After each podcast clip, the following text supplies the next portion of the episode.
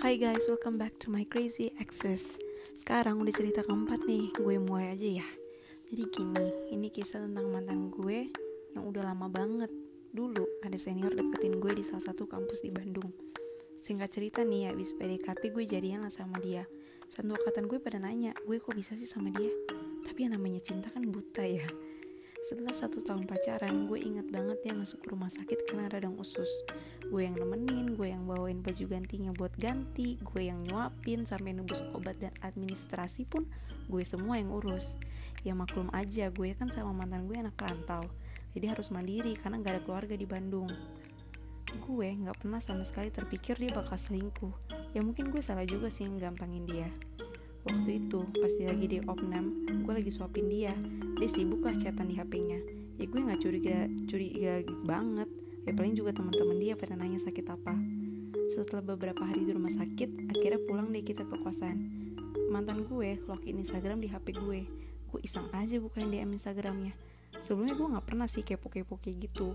Ya mungkin feeling gue kuat, kuat aja kali itu. Terus ada chatan sama cewek yang ternyata junior gue di kampus ngobrolin tentang kenapa dia di rumah sakit terus sakit apa gitu-gitu deh gue udah marah aja nih. Pokoknya ada catatannya isinya kayak gini. Kakak di rumah sakit sama siapa? Mantan gue jawab sendirian nih.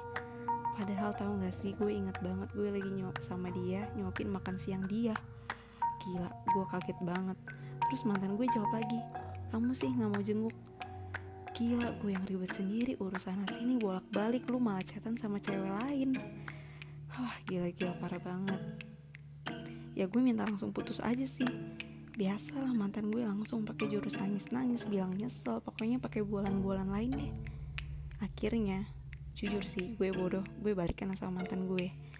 Terus mantan gue tetap selingkuh empat kali selama tiga setengah tahun kita pacaran.